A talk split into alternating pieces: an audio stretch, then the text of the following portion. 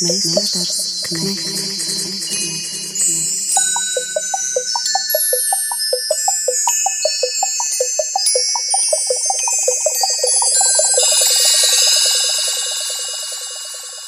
Meistars Knechts.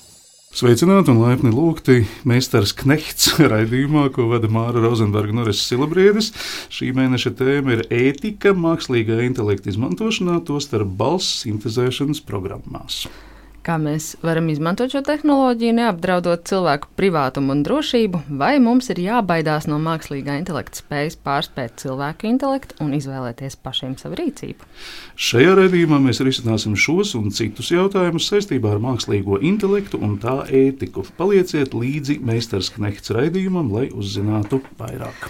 Droši vien šis pēdējais teikums samulsināja ne tikai dažus, bet diezgan daudz klausītājus. Un, ja jums arī likās viss šis ievateksts diezgan eh, tāds neveikls, tad uh, atklāsim, ka mēs nebijām oriģināli. Un tāpat kā daudz žurnālisti, kas pēdējā laikā gatavo raidījumus par šo tēmu, arī mēs paspēlējāmies ar jaunāko mākslīgā intelekta darbināto rotaļlietu ChatGPT un vienkārši latviešu valodā palūdzām viņam uzrakstīt mums ievadu. Vēlāk mēs parunāsim par to, ka mēs nu, pat palūdzām arī viņam uzrakstīt um, dzējola imanta ziedoņa stilā, bet par to mazliet pēc brīža, bet uh, Imants Ziedonis nevelti, jo viņš arī ir tas, vai precīzāk sakot, ieceris, kas ir plānots ar viņa balsi, ir arī tas, no kā šis redzējums ir atspēries.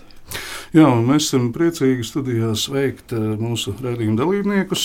Uzņemam tilde līdzveidotāju Andreju Vasiljevu, bioetikas ekspertu un Latvijas Universitātes medicīnas fakultātes asociēto profesoru Signi Vežīnsku, dramaturgu, aktieri režisoru Kārli Krūmiņu un publicistu mūsu kolēģi no Latvijas Radio 1 Eduardu Līniņu. Un jā, ja jau reiz par uh, Murjāņu muzeja nama dārzu, nu, tā ideja droši vien šaurās aprindās ir visai plaši izskanējusi, reiz jau kļuva par impulsu mūsu sarunai. Mēs uzrunājām arī Rimantu sarunā šajā studijā, bet viņš mums beig beigās tomēr nevēlējās pievienoties, tāpēc ka tas viss vēl tikai idejas līmenī un nav, nav vēl tādu konkrētu rezultātu. Bet eh, mēs parunājām pa telefonu, un tas, kā viņš arī eh, ļāva mm, savu viedokli atstāstīt, viņš sacīja tā, ka ziedoņa virtuālais tēls tiktu izmantots primāri muzeja vajadzībām, un viņa prāt šādi tēli ir, kā viņš teica, robežu un gaumas jautājums, ko var un ko nevar. Un ja tas ir saistīts ar daļradi, tad varbūt tas ir uh, pieņemami, proti, ja balss runā dzēju vai muzikālas kompozīcijas, bet nav domas, ka, piemēram, Ziedoņa balsī tagad varētu runāt par politiku, to viņš neatbalstītu. Bet šajā konkrētajā gadījumā viņam tas liekas pieņemami, jo tur ir doma, ka varbūt tiks veidots arī, piemēram, tukumā ķiršu dārsts un izmantot Ziedoņa balss tur, jo viņš jaunībā viņam bija liels sapnis, ka viņš varētu studēt bulduros un kļūt par dārznieku, un tad varbūt varētu parādīties tāds kā tēls, kā Ziedonis eh, bulduru skolas audzēknis. Un uh, speciālisti būs tie, kas rakstīs to tekstu, un Rīmāns Ziedonis ir pieaicināts par uh, redaktoru šiem tekstiem. Kā es saprotu, ir plānots to visu veidot sadarbībā ar Tildi, kam ir liela pieredze jau balss sintēzēšanas uh, programmās. Kā tas viss varētu noteikt, Andrej, ja jūs varētu pastāstīt?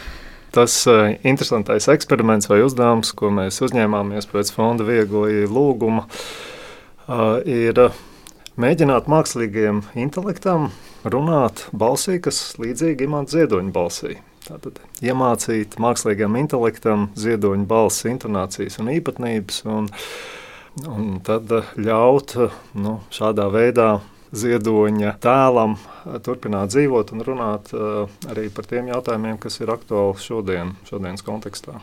Andrej, jūs tagad teicāt, imantam ziedonim līdzīgā balsī. Tas ir speciāli izvēlēts šāds noformulējums, tātad nevis imanta ziedoņa balsī, bet viņam līdzīgā balsī.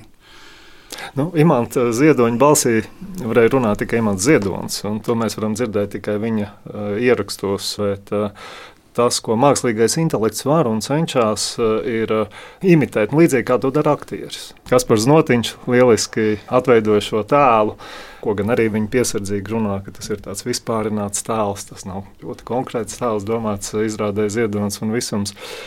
Un, un līdzīgi arī mākslīgais intelekts cenšas atdarināt šo balsi Bet, nu, protams, tā ir uh, sintēzēta balss, mākslīgā intelekta balss, un tajos lietojumos, kur viņi tiek izmantoti, uh, ir uh, ļoti svarīgi, ka cilvēkam ir pilnīgi skaidrs, ka tas nav īstais ieraksts, imanta ziedoņa oriģināla ieraksts, bet viņa balsī runā mākslīgais intelekts. Bet tās tehnoloģijas jau ļoti iet uz priekšu, un ar vienu ticamāk sāk izklausīties šī mākslīgā intelekta sintēzēta balss. Es saprotu, ka tā tehnoloģija, nu ļoti vienkāršiem vārdiem runājot, jūs iebarojat mākslīgajam intelektam ļoti daudz imanta ziedoņa balss ierakstu, un tad šī programmatūra mēģina sintēzēt balsi un vārdus, kādus ziedonis nekad nav teicis, bet viņa intonācijās un, un tembrā. Cik tālu šobrīd tā tehnoloģija ir tikusi, un vai mēs jau varam runāt arī par tādu līmeni, kur gandrīz jau vairs nevar atšķirt mākslīgo intelektu no reālās cilvēka balss? Vai līdz tam vēl neesam tikuši? Es domāju, tas ir līdzīgi kā ļoti labs aktieris, ļoti labi imitējot balsi. Arī var maldināt cilvēkus. Un līdzīgi mākslīgais intelekts arī var nu, ļoti tuvu oriģinālu balsī arī šīs intonācijas un īpatnības atveidot. Nu, tāpēc arī ir ļoti svarīgi tajos lietojumos, kur šī balss tiek izmantota, nu, ievērot šos etiskos principus. Un viens no svarīgākajiem ir, ka cilvēkus nedrīkst maldināt ir jābūt ļoti skaidri nošķiramam, kur ir īstais ieraksts ja, un kur šādā balsī runā mākslīgais intelekts. Jā, bet tagad iztēlojamies, cilvēks ieklīst Mūrjāņu dārzā, muzejs ir ciets, dārzs ir vaļā. Es tā, esmu dzirdējis, ka arī šāda ideja ir. Ja? Viņš pieiet pie tās abeles un dzird, ka viņam par abeli stāstīja mans ziedonis. Viņš tiek maldināts, netiek maldināts. Man liekas, mēs varam izdomāt visādus scenārijus, kā maldināt cilvēkus. Uh, bet uh, nu, tas uh, es ļoti paļaujos uz fondu viegli, un mēs arī daudz par šiem jautājumiem esam runājuši. Ir pilnīgi skaidrs, ka nu, tas lietojums, kā tas tiks piemērots, ir tāds, lai cilvēki no vienas puses netiktu maldināti, bet lai viņiem radītu sajūtu Līdzīgi kā mēs teātrī skatoties to pašu izrādi ziedonis, un viss mums, mums rodās arī kaut kāda sajūta, asociācijas, domas, pārdomas. Un, un tas ir tas, kā ziedonis var turpināt kurbulēt šo domāšanas un apjēgsmes procesu par šodien aktuāliem jautājumiem. Jā, varbūt nu, man iepriekšējā jautājumā izskanēja, ka es jau ierakstos kvēlo pretinieku rindās, drīzāk pilnīgi otrādi. Man ļoti patīk šī ideja, bet ir dzirdēts no citām pusēm, gan ka cilvēki ir diezgan nu, viņiem patīk iebilst, un mēs gribējām uz raidījumu aicināt arī dzēnieci Māru Zālīti, kur līdz šim ir viena no kvēlākajām protestētājām, bet nu, Māra šobrīd ir radošā procesā ārpus Rīgas un teica, ka mūsu dēļ viņi to nepārtrauks. Eduard, Edvards Liniņš arī mūsu raidījuma dalībnieks. Un mēs tev veicinājām cerībā, ka tu varbūt esi mazliet konservatīvāks un varētu būt skeptisks pret šo, bet es tagad ielieku tev viedokli galvā. varbūt tu līdz teiks, nē, Kas tev noteikti, lika nē. tā domāt? nē, es neesmu skeptisks un man ir jāpiekrīt uh, iepriekš teiktajam, ka vienkārši ir jābūt skaidrām robežām. Un cik tālu tas paliek uh, mākslas fakta ietvaros, nepretendējot uz īstenības imitēšanu, Tas man šķiet absolūti pieņemams. Jo nu, arī šeit jau izskanēja tā sacīt analogie piemēri, kad skatuves mākslinieki to dara. Ziedoni ir sekmīgi atveidojis Kaspars Notiņš. Baiba Broka savā laikā ļoti veiksmīgi atveidoja Aspazijas balss ierakstu, pie tam mēs ar tevi zinām, kā Aspazijas balss ierakstu ir saglabājušies, manuprāt, trīs vai četri vispār, pie kam tie jau ir arī no dzīves pēdējiem gadiem. Ar tās balss eh, tiešām tādu vecišķu īpatnību, bet nu, tas, kas Latvijas radiofonotēkā ir pieejams, ir no tā, no, no burtiski šīm uh, driskām, mm. ja, aktrisei izdevās izveidot visnotaļ pārliecinošu skatuves tēlu. Signē, mums izskanēja jau vairāk reizes jautājums par um, ētiku un ētikas robežām. Skaidrs, ka tādas robežas vajadzētu definēt, tajā pašā laikā ir skaidrs, ka robežas definēt ir viens no visgrūtākajiem uzdevumiem, kas vispār cilvēcei ir, manuprāt. Un tas ir daudz birokrātiju pamata pamats, ja mēs mēģinām līdz pēdējai robežai kaut ko noteikti definēt, paredzēt vissīkāko sīkumu, kā ir šajā lietā. Protams, tas ir tāds spektrs, ne, kur vienā galā mēs varam redzēt šo sintēzētās balss izmantojumu, nu, piemēram, kā protēzi medicīnā. Atcerēsimies Stevenu Hawkings un viņa balsi, un tagad varētu uzģenerēt daudz labāku balsi, kura atgādinātu viņa balsi tad, kad viņš vēl varēja runāt. Un tas ir fantastisks pielietojums, un noteikti tāds būs, un tādēļ ir vērts arī šīs tehnoloģijas attīstīt. Bet otrā galā ir kaut kāds pielietojums, kurā nezinu, viltvārdis var man piezvanīt un pārliecināt apliecināt, ka ir noticis kaut kas slikts vai tiešām mēģināt. pazīstam cilvēku balsī. Jā, runājot pazīstam cilvēku balsi, un tas ir tas spektrs, un tad tur ir pa vidu tie daudzie mums vēl neiedomājamie pielietojumi, kur būtu jānovelk tā līnija. Un uh, bieži vien tā līnija ir ļoti kontekstuāla, jo es klausos, te jau tika minēts, ka ļoti daudz kas ir atkarīgs no tā, vai mēs spējam atpazīt situāciju, kurā šī tehnoloģija ir lietota. Man ir mazliet bažas, jo, jo teātris jau mēs pazīstam. Teātris ir ļoti nostabilizējusies vide, kur spēles noteikumi ir ļoti skaidri. Es aizēju uz teātri, es zinu, ka tas nav pa īstam. Bet uh, tas, cik plaši var pielietot mākslīgo intelektu šobrīd un cik dažādās vidēs, tas rada daudz vairāk šaubu. Nu, tur ir tādi pamatprincipi, nu, lietot šo tehnoloģiju tā, lai viņa nekaitētu nevienam. Bet tādā gadījumā tas vispār nav domāts apzinīgākai sabiedrībai. Nu, mēs jau nevaram no tā. Muļķi, bet nu, labi, Mēs- ir bijuši vienmēr visos laikos. Bet... Nē, nē, mēs nevaram fantazēt. Viņa, tā tehnoloģija ir un būs. Tur, tur nav fantāzijai vietas. Vienkārši jādomā, kā ar viņu rīkoties. Ar viņu. Rīkoties Mēs jau esam jūs, viņu. Nē, jūs, starp citu, jūs runājot, sākumā jūs teicāt, viņš mākslīgais Tas intelekts. pilnīgi dabiski nāk. Vai Tas- viņš, jā, vai, brīdī, kad mēs ar viņu sarunājamies, mēs nevaram pateikt tās. Un tas man atsauca epizodi atmiņā no, es piedalījos UNESCO starptautiskās bioētikas komitejas sēdē, kur eh, savu, pirms vairākiem gadiem mums bija eh, par mākslīgā intelekta ētiku tāds ziņojums tika apspriests, un tur bija novērotāji. Tur bija novērotāji no Vatikāna, kur vienā brīdī ļoti aktīvi iesaistījās šajā diskusijā, un, un tas, tās, tā viņu baža bija nevis par pašu tehnoloģiju vai tehnoloģijas lietojumu, viņi teica, bet ir ļoti jāpārdomā, kā mēs runājam par šo tehnoloģiju, jo tur automātiski ienāk uh, šie ļoti personificējošie un tādi subjektu apzīmējošie vārdi un, un, un izteikumi. Un, Tā ir ļoti būtiska lieta, jo faktiski jau briesmas eh, primāri izriet nevis no tehnoloģijas kā tādas, un pat varbūt ne no šīs tehnoloģijas eh, nelietīga izmantojuma. Ko var prognozēt, un droši vien pret to var tā vai citādi cīnīties. Eh, Bet eh, no tā, cik lielā mērā mēs apzināmies šīs tehnoloģijas iespējamos efektus. Es teiktu, ka cilvēce šobrīd ir mums zināmajā savas attīstības gaitā otrais nonākusi situācijā, kad mūsu rokās ir iedots tekstu radīšanas un pavairošanas instruments, kura iespējamos efektus mēs vēl līdz galam neapzināmies. Un pirmo reizi tas bija pirms apmēram 500 gadiem, kad cilvēcei rokā Eiropas civilizācijai bija iedota Gutenberga drukājumā mašīna ar teksta un attēlu pavairošanas iespējām, kādas līdz tam nebija pazīstamas, un rezultāts bija reformācija un asiņaini kari pārsimts gadu ilgumā. Ju, ju, ju. Um, Paldies par šo prognozi. šobrīd mēs esam, mēs esam atkal tādas pašas jaudas, un, un varbūt pat droši vien nu, proporcionāli mēs varētu teikt tādas pašas, bet uh, absolūtos lielumos daudz jaudīgāku instrumentu mēs esam dabūjuši savās rokās. Un tas, kas man ir diezgan skaidrs, ka, protams, cilvēce līdz galam neapzinās, ko ar to var izdarīt un ko attiecīgi šīs tehnoloģijas darīs ar, ar cilvēci. mums, jā.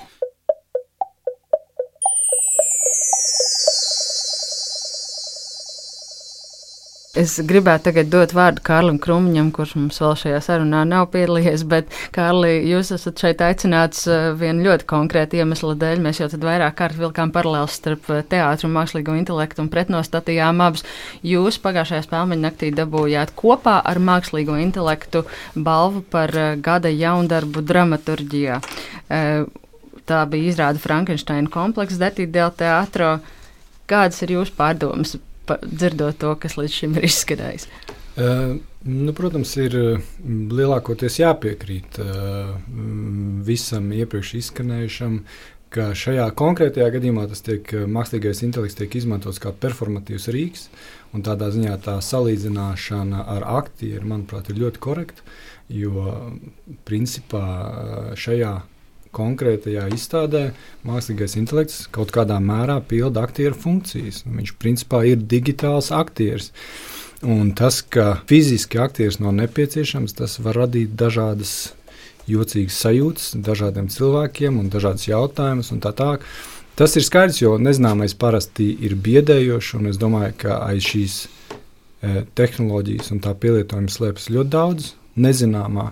Un tas var būt ļoti biedējoši, bet šajā konkrētajā gadījumā es domāju, ka tur jautājums ir tikai jā, kā nošķirt šo performanci, kurā brīdī tas top skaidrs, jo teātrī, jā, kā jau tika izskanējis, ir skaidra zīme. Ir atveras priekškars vai ieslēdzas gaisma un sākās šī ilūzija.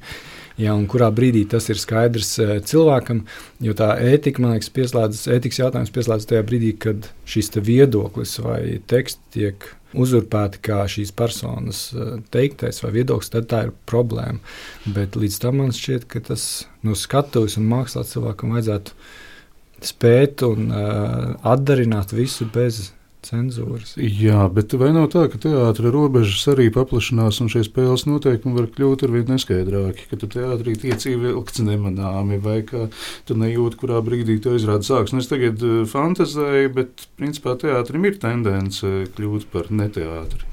Uh, nu es domāju, ka tas uh, nu, dažādi veidi apdraudējumi ir ļoti nu, tādai klasiskai uh, mūsu uzstādījumam par to, kā lietas notiek. Man liekas, ir ļoti daudz dažādās jomās. Es domāju, ka ir vairāk seriāli, kurus mēs skatāmies, kur mēs nejūtam jau, ka mēs patērējam mākslīgo intelektu radītus e, tekstus, e, kā ainas. Mēs vienkārši to varbūt pat nepiefiksējam, jo arī tas nav tik vienkārši. Jā, piemēram, ir kaut kāda tekstu atpazīšanas tehnoloģija. Šodien pirms sarunas es mēģināju dažus savas lūgas tekstus ievietot atpazīšanas programmā. Un tās, kur mēs sākumā spēlējāmies, es saku mēs, bet tāpēc, tas bija daļa no performances, uztvert šo tehnoloģiju kā viņš, kā tēls, jo viņš strādā, jo tā rada šo ilūziju. Un tad, protams, to sākotnējos visi tie internetā pieejamie atpazīšanas rīki viegli ģenerēja un pateica, jā, šis ir mākslīgā intelekta radīts teksts, bet tur, kur tas darbs tika ieguldīts vairāk, Tur šis teksts tika uzrādīts kā cilvēka radīts ar 95% ticamību. Un, kaut gan patiesībā tas bija mākslīgā intelekta radīts.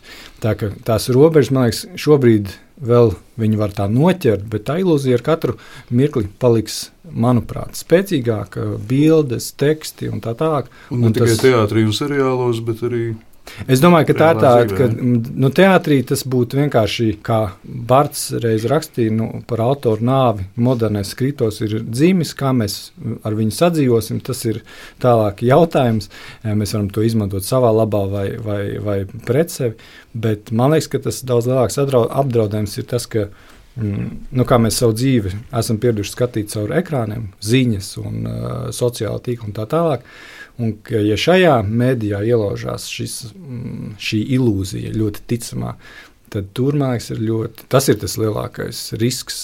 Par to arī mākslīgā intelekta kritiķi, kuriem es vairākiem sakoju, Par to ir vislielākās bažas. Nevis par to, kā mēs varam spēlēties uh, ar šo tehnoloģiju mākslās, bet kā šī ilūzija var ienākt mūsu dzīvē un tikt izmantot. Tas ir tas, lai viņš pamazām pārņemtu mūsu. Jā.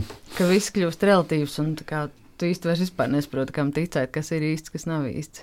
Man par to ir vislielākā. Nu, par to, ka arī mūsu klausītāji šobrīd varētu domāt, vai viņi klausās tiešām mūsu vai. Vai tilts sintezētu manu balsi, piemēram. nu, balss jau pat par sevi, kā es jau teicu, tas ir tas mazākais ļaunums. Nu, mēs jau visi to šobrīd šeit konstatējam. Būtiskais jau ir saturs. Lūk, kurā brīdī eh, mēs eh, pārkāpsim to robežu, kad mākslīgais intelekts tiešām spēs sintēzēt vairs ne intonācijas un runas melodiju, bet ticami atdarināt cilvēka domas un vēl jau vairāk cilvēka emocionālo pasauli. Nu, tas ir brīdis, par kuru es domājot, uh, nu, izjūtu zināmas bažas. Ja? Un tas jau laikam ir, nu, faktiski tas jau arī ir tas būtiskais, ko mēs jau no pagājušā gadsimta zinātniskās fantastikas šo motīvu varam atpazīt. Proti, brīdis, kad mašīna kļūst personība, kad mašīna kļūst indivīds un sāk pieņemt cilvēkam raksturīgus un cilvēkam piekritīgus lēmumus. Mēs taču zinām jau to gadījumu, kad viens Google darbinieks eh, ilgstoši strādājot ar šo čatu programmatūru paziņoja, ka čatam ir dvēsele un saprāts, un, un viņi par to, ja nekļūdos, atlaida. Andrej, bet kā tas ir eh, ar tām balss sintēzēšanas tehnoloģijām, teiksim, šobrīd, vai jūs arī paralēli tam, ko jūs izstrādājat, piemēram, izstrādājat arī kaut kādu ūdenszīmi, kas tiek iededzināta šajā programmā, kur ir pilnīgi skaidrs, ka tas, kas skan, ir mākslīgā intelekta ģenerēta skaņa, nevis īstais imants ziedonis, īstais jebkurš cits. Jā, tās ūdenzemju tehnoloģijas ir viens no veidiem, kā to var noteikt. Bet nu, pašreizējās tehnoloģijas ir tādas, ka cilvēks ar savu ausi nesadzirdēs eh, to marķējumu. Tas marķējums ir domāts, lai ar tehniskiem rīkiem atpazītu sintēzētu balsu no īsta mm. ieraksta. Tā kā nu, tam lietojumam, lai nu, cilvēkam uzreiz ir skaidrs, ar ko viņam ir darīšana, tam tās ūdenzemjas īsti nederēs. Bet kā tad jūs tās robežas novelkat? Kā jūs aizsargājat to balsi? Lai viņi netiek izmantot kaut kādiem nelāgiem nolūkiem? Nu, mēs vēl šo balsi tikai veidojam. Tas citi, ir ļoti liels izaicinājums uh, radīt šādu balsi un tiešām, lai, lai nu, šīs intonācijas ir tuvas imantam ziedonim. Uh, Bet jūs jau esat radījuši, piemēram, Sandras Glāzupas mākslīgo balsu. Mēs, starp citu, šī raidījuma kontekstā arī parunājam ar Sandru Glāzupu, un pēc brīža mēs arī atskaņosim nelielu fragment no tā, ko viņa teica par savu pieredzi. Bet, nu, piemēram, par Sandru Glāzupu runājot, jo viņa teica, tās intonācijas ir neticami līdzīgas viņai pašai. Un šobrīd uh, ir iespējams viņas balsī atskaņot faktiski jebko. Kā tad jūs? Nē, tā Nē, gluži tā nav. nav. Mēs esam ieviesuši stingrus noteikumus, ko var un ko nevar darīt. Un, un tie noteikumi skaidri apraksta šīs ētikas, privātuma, satura robežas un nekomerciālas izmantošanas mērķus. Un, Un, uh, varbūt un, un tos gadījumus, kur viņi tiek izmantoti tādos praktiskos lietojumos, mēs ar Sandru arī saskaņojam. Viens labs piemērs ir Rīgas autoostā. Tur ir tāda brīnišķīga sistēma. Autobusam iebraucot, tiek nolasīts uh, autobusa numurs. Un sistēma automātiski Sandras Glāzubas balsī pasaka, tur autobuss Stalina Rīga piebrauc pie trešās platformas. Mm -hmm. Un tas ir liekas, ļoti labs veids, kur nu, nav jāsēž cilvēkam pie tā mikrofona un jādara šis garlaicīgais darbs caur dienu un arī naktī, piesakot tos autobusu atnākšanas, pienākšanas laikus. Bet to patīkamā, labi nostādītā un tik ļoti profesionālā balsī, mm, kādā runā Sandra Glāza, līdzīgi, līdzīgā balsī runā šis mākslīgais intelekts. Bet tur, man liekas, ir jauna līmeņa izaicinājums. Man, man šķiet, lielākais izaicinājums jau nav pat radīt tos ētiskos noteikumus vai kaut kādu kādas līnijas, bet lielākais izaicinājums ir izglītot tādus profesionāļus arī IT jomā, kuri pirmkārt uzskatīs, ka tas ir svarīgi. Nevis, nevis formāli, bet tiešām pēc būtības uzskatīs, ka tas ir svarīgi. Otrakārt, viņiem radīsies īstajā brīdī īstie jautājumi par to, vai tas ir vai nav ētiski. Un, un viņi gribēs īstenot šos noteikumus. Un, un tas ir jauns izaicinājums izglītībai. Un, ja mēs runājam par tekstu radīšanu, tad es teiktu, ka piemēram izglītībā. Um, es lasot to tekstu, ko atbildot uz tādiem jautājumiem, ko es pirms gada vai diviem uzdevu par ētiku studentiem un lūdzu kaut ko uzrakstīt, un, un lasot šīs chat GTP ģenerētās atbildes, es nevaru viņus atšķirt no eh, vidējā studenta rakstītām atbildēm. Tas ir tas, kas mani biedē, jo uh, lielais jautājums ir, kā tas ietekmē šo izglītības procesu un kā mums no izglītības procesa dabūt ārā šos ētiski motivētos ar ar tādu eh, būtisku, ētisku kompasu uh, apveltītos profesionāļus. Es pareizi sapratu, ka vidējā studenta intelekts ir līdzīgs mākslīgajai intelektam. To es neņemtos apgalvot. Es tikai saku, ka mans intelekts neļauj atšķirt chat GTP ģenerētu tekstu no vidējā studenta. Ar visu jūsu pieredzi. Jā. Joks, zināmā mērā, bet kad es chat GTP uzdevu jautājumus par dažu latviešu klasiskās literatūras pārstāvu biogrāfijām, tas atbildēja izskanēja tā, kā, nu, kā students, kas ir plostojis nedēļu pirms uh, eksāmena, ieradies, ievēlies. Izpūris eksāmena telpā. Un, un mēģina savākt drumslas. No mēģina kaut ko uzģenerēt no tā, kas kaut kad ir dzirdēts. Bet nu, tā atbilde Es domāju, kas man šķiet eh, no tā izriet, ka, piemēram, pedagoģijā mēs nevarēsim joprojām aizstāt cilvēku ar eh, kaut kādu šo mākslīgo intelektu. jo viena teiksim, pretinde ir divu cilvēku dialogs, attiecības šai pedagoģiskajā procesā, proti, pasniedzēja, mentora un studenta, kur arī šī ētiskā platforma tiek uh, iestrādāta, ko nevar garantēt tāds mākslīgais intelekts. Mums bija diskusija Nacionālajā bibliotekā ar, ar, ar jauno uh, zinātnieku apvienību, un es aizgāju ar tādu brašu pārliecību, ka apmēram ar šādu nostāju, bet uh, tur bija citu zinātņu nozara pārstāvi, kur teica, nu nē, mēs ļoti labi redzam, kā mēs varam izmantot, piemēram, ChatGTP pašu vadītajā studiju procesā, un tas nav tik viennozīmīgi.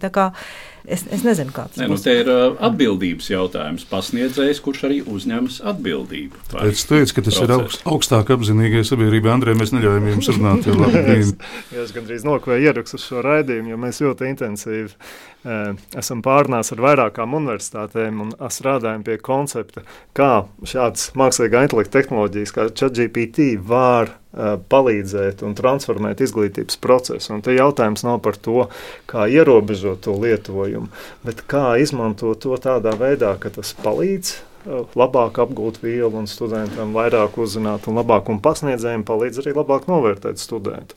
Un jāatrod šīs jaunās metodas, tas ir jauns rīks, jauns līdzeklis. Un, piemēram, tā viena tehnoloģija, kā to darīt, ir palīdzēt atsakot, ko tieši ir darījis mākslīgais intelekts, ko tieši ir darījis students. Jo tas īstenībā var būt labs tāds sadarbības process studentam ar šo ChatGPT vai citu mākslīgā intelekta tehnoloģiju, iedodot viņam informāciju, pārbaudot, kādus faktus informāciju tas mākslīgais intelekts ir devis. No tehniskas informācijas izveidojot sakarīgu tekstu. Nu, viens piemērs ir teiksim, studenti, kas studē ārvalstu augstskolās, ir zināmā mērā tādā diskriminētā situācijā. Ja tev angļu valoda valodas zināšanas, pieņemsim, vai vācu valodas zināšanas nav tik labas kā pārējiem studentiem tajā valstī, tu nevari tik skaisti un dāļi izteikties arī tehniskos priekšmetos kur pamatzināšanas ir tehniskās zināšanas, nevis daļrunība, bet tas tomēr atstāja iespaidu un priekšstatu par šo cilvēku. Un, un šīs mm, ChatGPT veida tehnoloģijas ir ļoti labas. Arī tu vari vienkārši iedot sameklēto, izdomāto, apkopoto informāciju un palūgt to noformulēt skaistos, plūstošos teikumos. Es sāku domāt par to ChatGPT vai nu, jebkuru droši vien līdzīgu citu tādu mākslīgā intelekta darbinātu eh, sarunas tehnoloģiju, kā par tādu rezerves smadzeni nu, vai kaut kādu tādu powerbanku vai kā to latviešu sauc. Angliski ir termins extended mind. Jā, nu tāds kā prāta pielikums, ko tu, ne, pāt, ko tu nesā līdzi. Harijā Poterā bija tāda domnīca, kurā varēja novilkt tās savas domas. Tas varbūt nav gluži tas, bet kaut, kaut kādā ziņā tas ir tāds kā prāta paplašinājums, kuram tu vari nu, palūgt izdarīt to, kam tev pašam nepietiek jaudas, paturēt prātā kaut kādas lietas, atgādināt tev kaut ko noformulēt. Es teiktu, nu, mēs esam pašā mākslīgā intelekta rītausmā tikai, un tas pārmaiņu process, um, es arī pilnīgi piekrītu, būs milzīgs un, un, un grūti aptverams. Un, un te mums ir jāatrod tas pareizais veids, kā to izmantot un kā sadzīvot. Jo, nu, ar to mākslīgo intelektu līdzīgi kā tehniskie, mehāniskie transporta līdzekļi. Ja? Nu, tu vari pilnībā paļauties un braukt visur ar mašīnu vai ar uh, autobusu un vispār nepārvietoties un pilnīgi atrofēties un nemācēt vairs kustēties. Ja? No otras puses, mašīnas mums ļoti palīdz. Un, ap citu, mašīnas ir laba analoģija. Tas var būt ārprātīgs, nāvējošs uh, rīks. Tur vairāk kā tonu smaga nāvējoša iekārta brauc. Ja? Tāpēc mums ir ceļu satiksmes noteikumi. Ceļu satiksmes mm. regulēšanas noteikumi. Jā. Bet jā. cik, kā jūs teikt, cik labi atstrādātie noteikumi šobrīd ir tajā mākslīgā intelekta jomā? Mm. Tas, tas ir mežonīgajos rietumos. Jā. Pats sākums. Kārli. Tas ir tas, ko es gribēju arī iepriekš pielikt klāt no savas puses, ka, protams, tā tehnoloģija ir brīnišķīgi izmantojama dažna dažādās pozitīvās uh, virzienos, bet uh, tikpat daudz arī negatīvos virzienos izmantojama un nonākot nepareizās rokās, un tā pieejamība ir ļoti brīva. Uh, Un iespējams, ka šīs ceļzīmes ir jau jāliek, jau tās bija jāliek jau aizvakar, tās ir jāliek tagad. Nu, citādi mēs varam attapties, nu, jo mēs varam ļoti pieklājīgi gaidīt, un ka mēs visi iemācīsimies ar viņu sadzīvot, bet vienmēr atradīsies kāds, kurš izmantos to tehnoloģiju ļaunprātīgi. Un šobrīd tādā manā Twitter burbulī, kas attiecās uz mākslīgo intelektu, ir tas lielākais, eh, skaļākais lozungs, ir, ka mākslīgais intelekts tiešā veidā būs draudz demokrātijai tuvākā nākotnē. Ar šo informācijas, propagandas, barošanas iespējamību, kāds var tikt izmantots savienojumā ar kaut vai deepfake video un tā tālāk. Nu, tas pilnīgi neprognozējami apmēri, kā mēs varam to mm. Vairs neredzēt vispār. Kārli, piedošana, bet kam tad deleģēsi šo noteikumu izstrādāšanu? Nu, tas ir ļoti labs jautājums. Tas būtu droši vien jāstrādā. Nu, es, es neesmu pārliecināts, ka šai tehnoloģijai vajadzētu šobrīd būt pieejamai visiem, visur. Es neesmu pārliecināts par to. Pie tam ļoti svarīgi, lai nevis kāds izstrādā šos noteikumus, bet tas, ko es jau teicu, lai katrs, kurš darbojas ar šo rīku, lai mēs spējam panākt, ka nu, maksimāli cilvēki paši grib ievērot šos noteikumus. Nu, tas ir kā ar medicīnas ētiku. Mēs jau varam izdomāt uh, vislabākos medicīnas ētikas principus un uzrakstīt nosacījumus, bet mums vēl vajag panākt, lai katrs tiešām grib to darīt. Un tāpēc es jautāju par to IT speciālistu izglītību. Manuprāt, tur nav pietiekamā apjomā šie sociālo zinātņu vai humanitāro zinātņu priekšmeti šobrīd, kuri varētu palīdzēt teiksim, ļoti vienkārši kļūt vienam IT speciālistam par labāku cilvēku, lai viņš labāk izmanto tehniskos rīkus. Tas ir pilnīgi nosiet manas domas. Es gribēju ierosināt, ka vispār jāsāk laist pasaulē labāki cilvēki. Tas varētu būt risinājums. Edvards, es tev pirms. Nu jā, es, es gribēju eh, visnotaļ piekrist, jo mēs jau šobrīd vērojam, eh, pat nerunājot par mākslīgā intelekta iesaisti, vienkārši globālais tīmeklis un eh, datu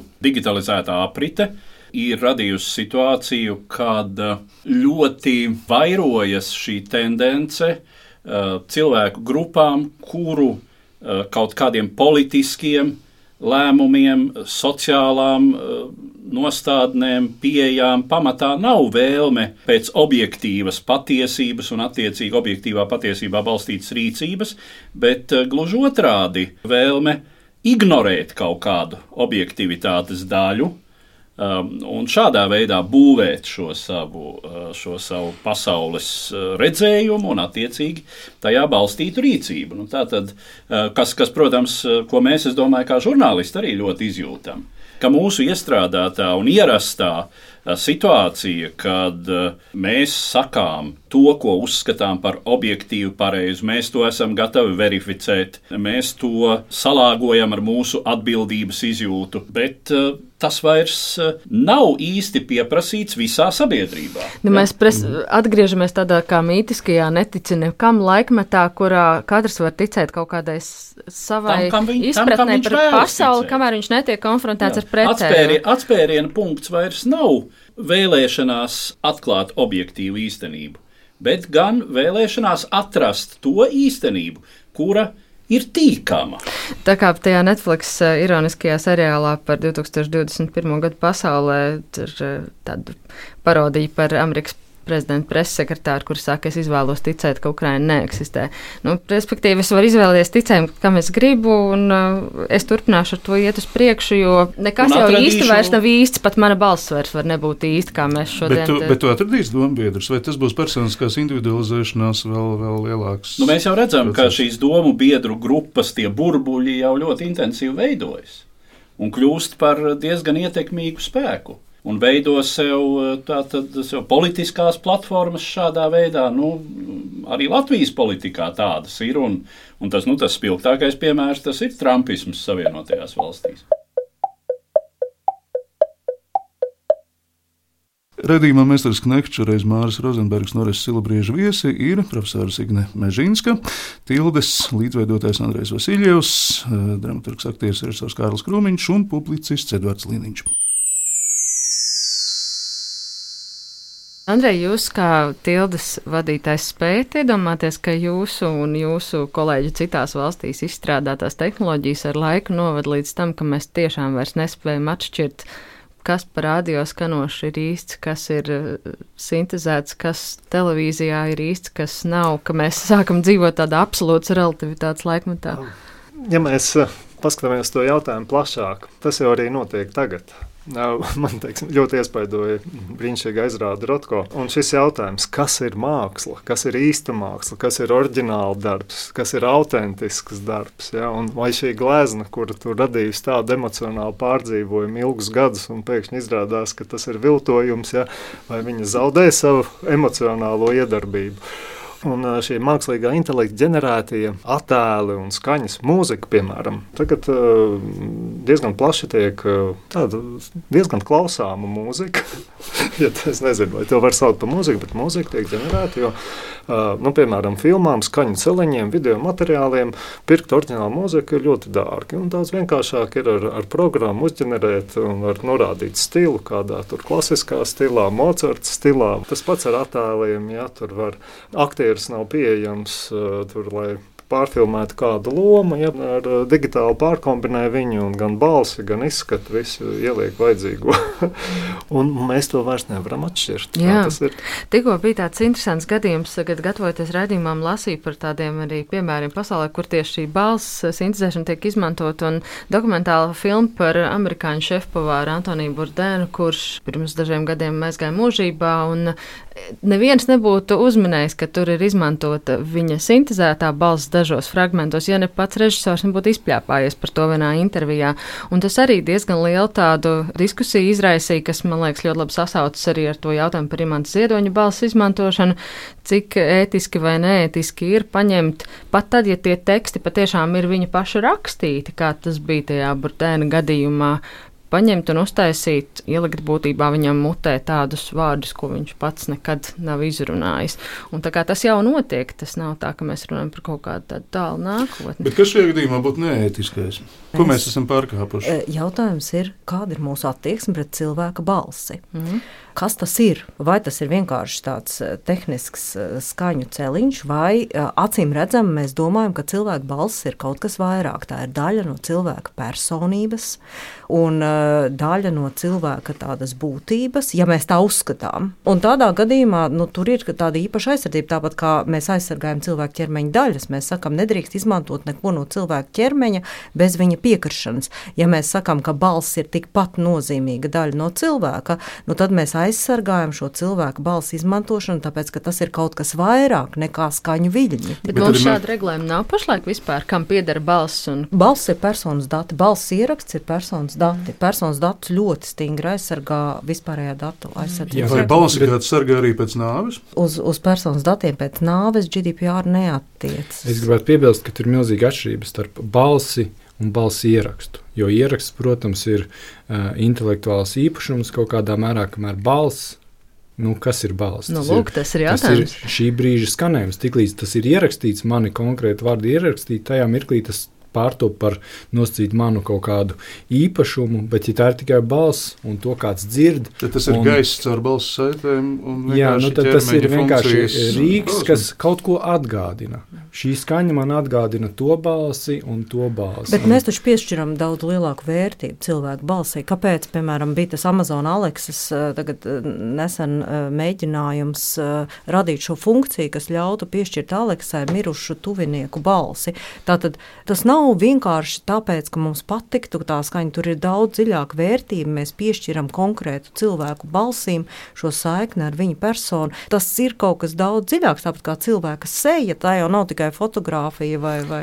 Nē, nē, protams, un man liekas, ka tur arī ir tā lieta, ka mēs tam piešķiram. Mēs piešķiram nozīmi skaņai, sejai, bet eh, nu, varbūt divas līdzīgas sejas uz pasaules. Ja mēs vienu atzīsim par īsto, ka, ko tad mēs darīsim ar otru. Eh, vienā video nesen bija redzams Zelenska dubultnieks. Ja. Arī nu, tiek izmantots viens, kurš izskatās, un droši vien ir vēl pielāgots, lai vēl vairāk izskatītos. Bet eh, nu, nevar, man šķiet, ka nevar viens patentēt savu balss skanējumu, un tagad tas ir neaiztiekams jēdziens. Es nezinu, man šķiet, ka tas ir ļoti svarīgi. Eh, nu, balss ir nu, tāds privātuma elements, bet šeit varētu paskatīties no citu viedokļu. Nu, uh, kultūra cilvēki, kā Imants Ziedonis, nu, sen ir pārauguši savu privātumu, tās parastas privāta personas robežas. Viņi jau ir kļuvuši par kultūra tēliem. Tāpat kā Ojārs Vācietis ir kultūra tēls un Andris Keišs izrādē Raimondu Paulu brīnišķīgi iedzīvojas vāciešu tēlā un runas manierē. Ja, tāpat kā Rainis, un jūs redzat, cik brīvi tiek Raina tēls eksploatēts vis visādos veidos, kaut vai pēdējā izrādē smilģis. Ja. Un, Un, un, tas, un tas ir, es domāju, tas ir pieļaujami. Tādēļ, ka šīs jau ir kultūra personības un, un kultūra tēli, un, un uz to var skatīties. Un šie ētikas jautājumi ir izsnāti savādāk, nevis kā nu, parastai privātai Jā, bet personai, neskatoties kāds, balss, tomēr liekas personiskāk. Kāpēc mēs tomēr par balsi diskutējam citādi? Un es arī, es laikam, dalu gan arī Signas viedokli, ka tur ir vēl kaut kas metafizisks pie tā visa klāta. Nu Jā, nu tā ir tā emocionālā iedarbība, es domāju, kas saistās ar balsi. Nu, konkrēto virsskaņu kopums, kas uz mums iedarbojas emocionāli. Tā? Kāpēc mums viens dziedātājs patīk, un otrs nepatīk? Jā, nu, tieši tā. Es domāju, ka mm, nu, tembrs bieži vien ir tas, kas izraisa mūsos, uh, kas, kas uh, rada, piemēram, iemīlēšanos. Jā. viens, viens, no, viens no tādiem elementiem. Šajā vietā, kur mēs runājām par personību un balss tembru, man tomēr gribas ielikt to mūsu sarunas fragment ar Sandru Glāzupu, jo viņa ir tas cilvēks, kam mēs varam pajautāt, kāda ir sajūta, kad tavā balsī runā tekstus, kurus tu nekad neesi teicis. Jā, es ļoti labi to atceros. Tas notika pirms pieciem gadiem, un tā kā tajā laikā es vēl strādāju Latvijas radio ziņu dienestā, un esmu to pieredzējusi dienu no diena, kā attīstās tehnika, kā ir jāpilnveido dažādas prasmes, tad es šo tildes diezgan trako piedāvājumu uzņēmu ļoti saprotoši. Es saprotu arī to, ka nekas nekad uz vietas nestāv, viss vienmēr attīstās. Nu, tad mēs sazvanījāmies ar tildes pārstāvjiem, un viņi lūdza manu piekrišanu, vai es atļauju izmantot savu balsi, to, kas ir radiodatu bāzē. Ideja viņi man izstāstīja, ka tas būs palīgs cilvēkiem dažādās vietās, nu, piemēram, kaut vai braucot ar liftu, bet arī muzejos. Es zinu skaidri, ka tas ir Nacionālā bibliotekā šis projekts arī ieviests. Pirmkārt, es jutos diezgan pagodināta. No nu, acīm redzot, tas bija arī tāpēc, ka tā balss, nu, ja ļoti ilgi klausījies Latvijas rādio, tā balss ir vienkārši atpazīstama. Bet vai tev nebija bažas par to, ka tavu balsi tagad varēs izmantot jebkādā veidā, mm, tavos, nu, būtībā tavā mutē ieliekot eh, vārdus, kaut kādus dumus vārdus, ja? pretvalstiskus vārdus. Zini, pašā sākumā, tad, kad tas projekts tika atklāts, bija vēl ļoti daudz nepilnību, bet tad jau bija datoru speciālisti, es teikšu pēdiņās speciālisti, kuriem tas likās ļoti interesanti. It kā manā vārdā paziņot dažādas, nu, dumas, es pat teiktu nepieklājīgas lietas, un vienu brīdi tāds tāds teksts arī kaut kur eh, cirkulēja, apritē. Bet es sapratu arī to, ka tas ļoti ātri pāries. Vienkārši to aizmirsīs un apniks darīt. Visādā ziņā par um, tildes jā, piedāvājumu man bija prieks. Un no tā, ko tu tagad esi dzirdējusi, kā skan tava balss um, mākslīgi sintēzēta, kāda ir sajūta, tad, kad tu klausies? Interesanti, jā, viņam ir diezgan, diezgan labi izdevies. Intonācijas ir perfektas, izruna ir ļoti skaidra. Bet es tā domāju, vai tas kaut kādā ziņā nerada arī tādu relativitātes sajūtu par to, ka tas, ko mēs dzirdam, var nebūt īsts, ka mēs dzirdam Sandru, bet tā nav Sandra, ka mēs vairs īsti tai balsī nevaram ticēt kā personībai aiz tās balss. Mm, par to es ne, nemaz nebiju aizdomājusies. Nezinu, tas varbūt nebūtu pārāk ētiski, jo ziedonis mums saistās ar dzēju, ar miniatūru, ar prózu. Un tas, ka viņš būtu kaut kāds informators tur dārza jautājumos vai kaut kādos ieteikumos, tas gan varbūt nebūtu pareizi. Tajā skatās no tāda ētikas viedokļa mēs aizrunājāmies par to, kā tas vispār ir, ka nav īsti vai saprotams, vai tas esi tu, kas runā, vai cik, cik tālu var ticēt tam, ka tas, kas skan, esi tu, Jo viņi esot nākuši cilvēki klāt un teikuši, kā tu tur var ties autoostā tur aizskriet un to visu nonāk, kā to visu paspēj. Kad cilvēki tiešām domā, ka viņi sēž tur pie tā mikrofona daži. Un, un tas man, protams, liek domāt par to, kā mēs ar laiku spēsim nošķirt to māksliniecisko improvizāciju no tās. Um, Bet tur jau nu, tā viena līnija, protams, vai, vai viena iespēja ir, ja tas ir dzīves cilvēks, nu, atkal es uzreiz ar savu jomu, ar, ar medicīnas ētiku savēl kopā. Informētā piekrišana ir kaut kas tāds, ar ko mēs ļoti daudz ko varam regulēt. Ja mēs varam cilvēku informēt par to, kā viņa balss tiek izmantot, un viņš tam piekrīt, un tur es domāju, ka IT tehnoloģijas var ārkārtīgi palīdzēt, jo ir tādi, tādi, tādas tehnoloģijas kā dinamiskā piekrišana, kur es visu laiku varu redzēt, kā teiksim, kaut, ko, kaut kas notiek, un ja man kaut kas nepatīk, es varu atteikties un tā tālāk. Tur, man liekas, viss ir kārtībā. Ja mēs varam informēt un cilvēks var piekrist, tad eh, ļoti daudz kas var notikt, lai gan arī tur var būt kaut kādas sarkanās līnijas, bet nu, tā ir droši vien pārāk sarkanās. Nu, tās ir vieglāk iemācīties, bet man tas pēcnāvs aspekts ļoti Jā. interesē. Manuprāt, ar pēcnāvs aspektu tur risinājums varētu būt līdzīgs kā ar autortiesībām, ka ir kaut kāds eh, noteiktais termiņš, kurā arī pēc nāves nu, visdrīzāk tuvinieki, ja tādi ir. Vai es pieļauju atsevišķos gadījumos, eh, nu, ja teiksim, tuvinieku nav, eh, tad tas var būt kaut kāds, tā var būt kaut kāda regulējoša institūcija. Nu, labi, tuvinieki atraitni ir par, dēls ir pret. Bet, nu, kā tu tagad risinās? Es teikšu, ja mēs ņemam nosacīti parastu cilvēku, ja, nu, pirmkārt, lai iemācītu mākslīgam intelektam to balsi, viņš mācās no paraugiem. Viņam vajag ļoti daudz paraugu, un tad viņš cenšas tūkstošiem reižu atrast tādus parametrus, ka viņš var atdarināt balsi ļoti tuvu.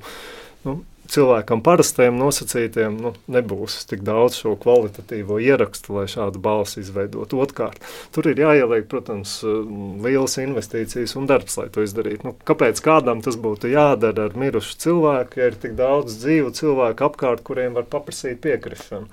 Un šeit izņēmums var būt nu, šie īpašie cilvēki. Ja? Nu, Un, un tad ir atkal tas, ko mēs runājām. Ja? Kā, kādā veidā ar, ar, ar kādu piekrišanu un, un kā, kā to etiski izmantot. Kā definēt šo īpašo cilvēku sarakstu, tas būs ļoti grūts jautājums. Es gribētu vēl piebilst, ka tur ir vēl viena problēma, jo kā tad mēs varēsim nomērīt, kas ir šī identiskā kopija, jo, kā mēs redzam, pats mākslīgais intelekts iepriekš teicu, ne, nespēja brīžiem atpazīt, vai šis teksts ir viņa radīts, vai šīs tehnoloģijas radīts vai nav tā radīts. Un, Protams, ja tiklīdz mēs zinām, ka nu, pēc frekvencēm, nu, palūksim izmainīt cilvēku ausī, tas nebūs dzirdams, bet tehnoloģiski varēs ieraudzīt atšķirību un tiesas veidā pierādīsim, ka lūk, šis ir atšķirīgs ieraksts. Nu, es domāju, ka tas ir skanējums, tāpēc to ierakstu var kaut kā noķert laikā un telpā nosacīti, un tāpēc tam var piešķirt šo unikālo autorību, aut intelektuālo īpašumu, bet balss skanējumam es, es, domāju, es domāju, tas Tāda mēs cīnāmies, runājam par sakām, bet man liekas, ka tas cēlonis ir kaut kas tāds. Jūs joprojām paliec pie tā, ka ir par vēlu. Jo, jo. Nē, nē, es domāju, ka ir jāregulē tas pielietošana. Par to ir. Un, un man šķiet pilnīgi nepieņemami, ka tādas firmas kā OpenAI, eh, protams, es to izmantoju izrādes kontekstā, bet uh, viņi principā pasludina, ka tajā mirklī, kad šis teksts ir ģenerēts, nu, tā autorība un visus to izrietošais sekas no šī teksta pāriet pie tā, kurš ir paprasījis šo tekstu ģenerēt. Nu, man šķiet, ka tas īsti korekti. Nu, labi, es tiesa neesmu pārlasījis, varbūt viņi pēdējā laikā ir kaut ko mainījuši savā politikā, bet pēc būtības man tas liekas ļoti, ļoti jocīgi, ka mēs iemetam publiskā telpā tādu jaunu, diezgan traku rīku. Un tad paskatām, ka mēs par to neatbildam. Nu, Viņi izstrādājot šobrīd ūdenszīmu tehnoloģiju. Automašīnas ražotājs neatbild par to, uh, kurš sēž stūra vērumā.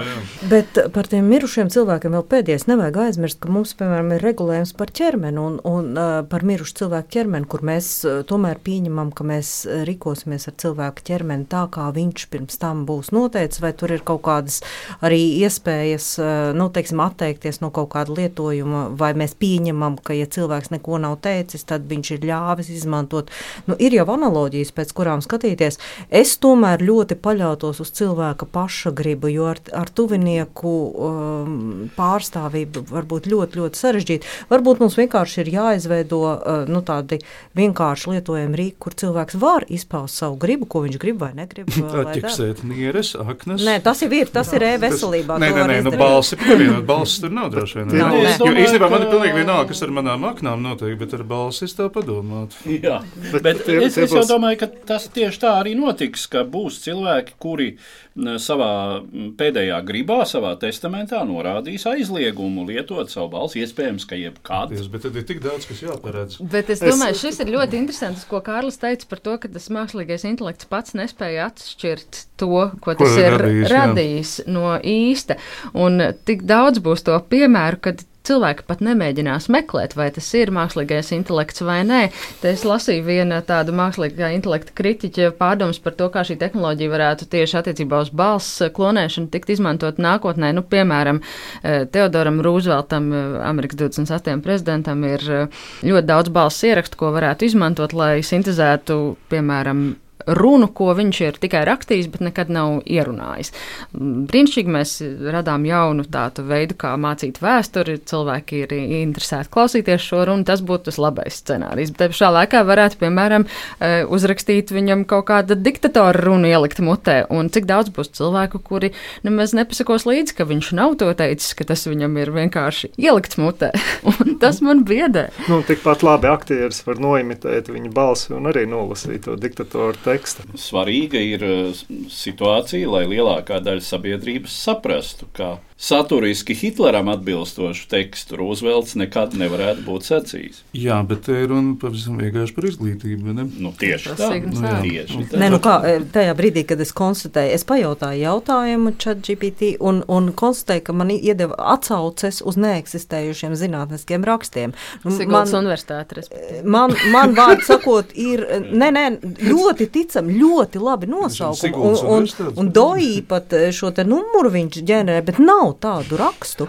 Un tad eh, man liekas, nu, studentam būtu jāprot pārbaudīt, zināt, kā to izdarīt. Bet politiķa kontekstā visbīstamākais ir nevis, ka visu to runu noimitē, bet kaut kādā pāris mm. vārdiņus nemanāmi, tā ka tu mm. nemaz neredzi, bet kas būtiski maina to domu izmaina. Un, un tad var ļoti viegli piemānīt. Paldies, Andrej. Tagad tie, kas mūs klausās, jau zina, kā viņiem rīkoties. Sapratu, viens piemērs. Mums nesen bija sarunas arī ar cilvēkiem, kuri veidoja filmu par Gunāru Astru. Bija doma, ka nu, tas būtu brīnišķīgi, ja varētu šo viņa slaveno runu tiesas prāvā, ja, spēcīgo runu nu, iz, nolasīt Gunāra Astras balsī. Bet, nu, diemžēl tur ieraksti mm, bija pie, pārāk mazi un sliktā kvalitātē, un to nebija iespējams izdarīt. Bet, nu, tas ir viens piemērs, nu, kur, nu, kur tas tā, kaut gan sintēzētā balss, bet nu, radītu to klātbūtnības sajūtu un to, to, to vēsturiskā notikuma zīmīgumu sajūtu, to emocionālo pārdzīvojumu pastiprinātu. Un, Man liekas, tie ir tie piemēri, kur ir vērts taisīt tās sintēzētās balsis arī no cilvēkiem, kas nav starp dzīvajiem. Bet Cit, un, citiem, nu, jā. es nezinu, kuru interesēs mana balss. Jā, pēc, nu, to gadiem. nekad nevar zināt. Bet... Nu, jā, vēl arī piebildu par Mārtiņu iepriekš teikto, mēs meklējam regulējumu pret eh, tātad, sliktiem cilvēkiem, pret cilvēkiem ar melnu humoru izjūtu, nu, vēl pret kaut kādiem, nu, tas jau laikam dzīvē nav nosakāms. Lūk, šī pati, teiksim, ir uzvelta runa, jā. Kā es padarīt par nacistu. Jā, es... es nezinu, bet es, es domāju, nu, kam to, nu, vai to vajag? Jo, jo kas par znotiņš, tur ir, tur ir vēl viena personība, vai ne? Un, un, un es skatos, un man liekas, tik brīnišķīgi. Es mākslinieks trešo reizi iešu uz ziedonu un visam tagad, jo man tas ļoti, ļoti iedvesmo. Bet, bet sintēzēta imanta ziedoņa balss, nu, manuprāt, tas ir, tas ir atšķirīgi. Tur nav vēl viena personība aiz, aiz šīs balss. Es, es, godīgi sakot, nācu ar ļoti skeptisku domu. Man, man nevajag. nevajag ko? nevajag sintēzēt ziedoņa balsi. Nu, tas, ko viņš ir pateicis, viņš to ir pateicis. Bet es, protams, esmu varbūt ļoti konservatīvs, bet man, man nevajag to, lai viņa balsī skan kaut kas cits. Bet kas bija ļoti interesanti? Man, viņš nu, bija ļoti drosmīgs cilvēks. Es atceros, 90. Eh, gada beigās viņš atnāca uz tildu un viņam bija tādas idejas par kā tehnoloģijas varētu izmantot. Un, un mēs pilnīgi bijām pārsteigti un tam nebijām gatavi. Un vispār eh, tehnoloģijas tam nebija gatavas. Un viņš, es domāju, viņš būtu pirmais, kas gribētu mm. eksperimentējot un esot drosmīgi un tā pašā laikā ētiski, mēs arī varam redzēt, vai tas ir vajadzīgs mm. vai nē, kur tas vajadzīgs, kur nē. Māc, mācoties darot. Jā, man attēls atmiņā viena diskusija, kur uh, runājot par mākslīgo intelektu. Mēs runājam par radošumu, un tad uh, mana piedzīvojuma kontekstā tā viena no atklāsmēm bija, cik tas uh, radošums patiesībā ir mehānisks un ka tas mākslīgais intelekts šo radošumu var tīri labi aizvietot. Un tad šajā diskusijā bija tas pretviedoklis, ka nē, taču cilvēks ir cilvēks un viņš taču rāda un tā tālāk. Tā, tā. Bet tā skatoties atpakaļ un pētot sevi, es teiktu, nē, es, es tāpat lieku kopā gabaliņus no savas pieredzes. Jā, varbūt man ir vairākās sfērās, ne tikai informatīvajā, emocionālajā un vēl kaut kādā sfērā, un tie varbūt veido nu, šajā brīdī mazliet bagātīgāku, varbūt brīžiem skatījumu, varbūt brīžiem ne.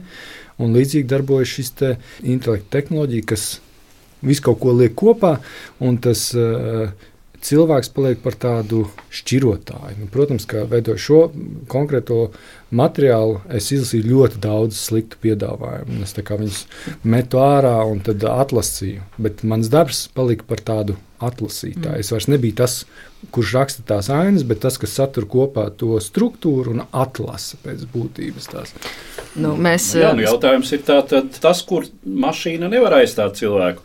Apzināta izvēle.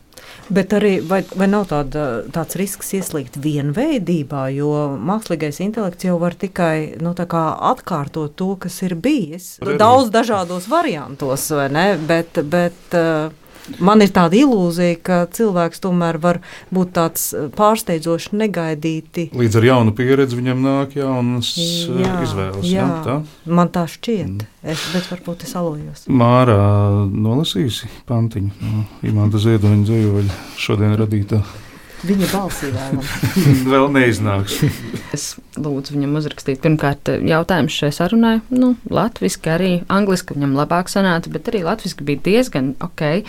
Un jāatzīst, ka tur man arī bija tāda sajūta par to savu radošumu. Tā ļoti pieplaka, jo viņš apmēram pusminūtes laikā ģenerēja desmit jautājumus, kuri bija daudz labāk noformulēti nekā, nu, teiksim tā, viņam ātrāk gāja noformulēt šos jautājumus. Bet nu, tas ir par tādu jautājumu, kas šobrīd ir ļoti daudz internetā lasāms Līdz ar to, protams, ka viņam nav grūti, bet mēs arī nolēmām palūgt uzrakstīt ChatGPT ziedoņa stilā dzējoli. E, nu, viņam bija ilgāk jāpadomā pirmkārt. Bet tad, kad viņš sāk, tad bija Oi, 1, tad 2, 3, 4, 5, 6 gari panti. Viņš nespēja apstāties. Orest vienu Viņam pantu. iepatikās. Es nolasīšu es, pirmo kas. Nu, es kā mākslīgais intelekts ar kodiem kliedzu. Dzējolis šis manās rindās slēpjas. Lai vārdi dzīvo uz ekrāna spīdumu, laiks tāds, ka kaut ko jāsaka esmu. Un mēs esam daudz vairāk. Šis, šis jā. arī ir tas tavs mīļākais pandiņš, bet mēs esam daudz vairāk nekā tikai datori un kodējumi. Sirdis, prāti un sapņi mūsu būtības pamati un pārliecības punkti. Un šajā brīdī es arī apraudājos, ka mākslīgais intelekts saka, ka viņš nav tikai dators un kodējums, un sāk murgot kaut ko par prātiem, sirdīm, sirdīm un sapņiem. nu, Bet, jā, nu, tas būtu interesanti palūgt viņu uzrakstīt uh, vēl vairāku, apmēram tā paša laikmeta dzēnieku stilā, un man ir aizdomas, ka Nu, nav mākslīgais intelekts pagaidām atklāts. Būs Ojārs Vācietis un Monta Kroma un vēl kaut kas starp šiem visiem. Ja, ja, ja, ja var mazai atkāpēs, savulaik mēs ar mašīnu tulkošanu daudz nodarbojamies. Tur arī mākslīgais intelekts palīdz tulkot. Un viens no pētniekiem strādāja pie dzējas tulkošanas ar mašīnas palīdzību. Un man liekas, tā ir tik neauglīga nodarbība. Nu, kā tad, nu, tas taču nu, pavisam mm. sarežģīti. Tekstu ir grūti iztulkot, kur tam vēl dzēju. Bet kas bija interesanti? Pārnesot šo dzēju, tas, pie kā viņi strādāja, bija saglabāt ritmu un atskaņas. Un, ja ir vajadzīgais ritms un atskaņas, tad pat tad, ja tas vārdu sapirknējums ir loģisks, neloģisks un dīvains, cilvēki paši tur projicē un reflektē kaut kādus kontekstus un dziļās domas un tā tālāk. Viņiem tā liekas ļoti dziļdomīga dzēja, ļoti ritmiska un ar atskaņām.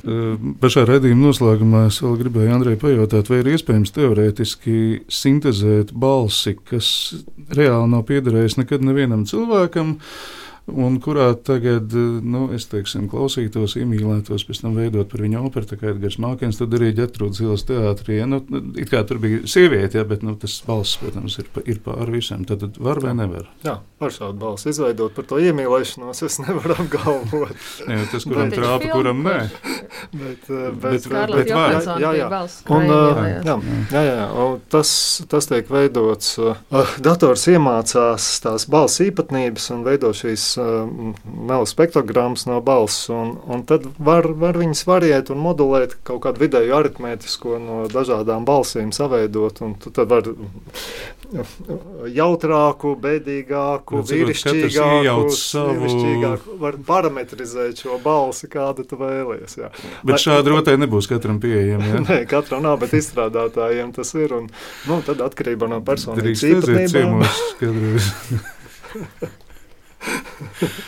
Kaut kas šajā rotā. Bet es ieteiktu drīzāk iemīlēties dzīvā cilvēkā. Es domāju, ka cilvēki būs uzņēmuši diezgan daudz informācijas.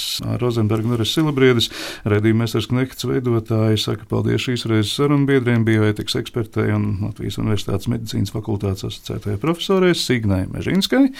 Mēs sakām paldies uzņēmuma Tilde līdzveidotājiem Andrejam Vasiljievam, režisoram, dramaturgam, aktierim Kārlim Krūmiņam un publicistam Eduardam Līniņam. Mēs tiksimies atkal pēc mēneša, mēs ar Knekta sezonu turpinās un ar interesi gaidīsim, kas tad notiks Imants Ziedoņa dārzā, Imanta Ziedoņa balsī.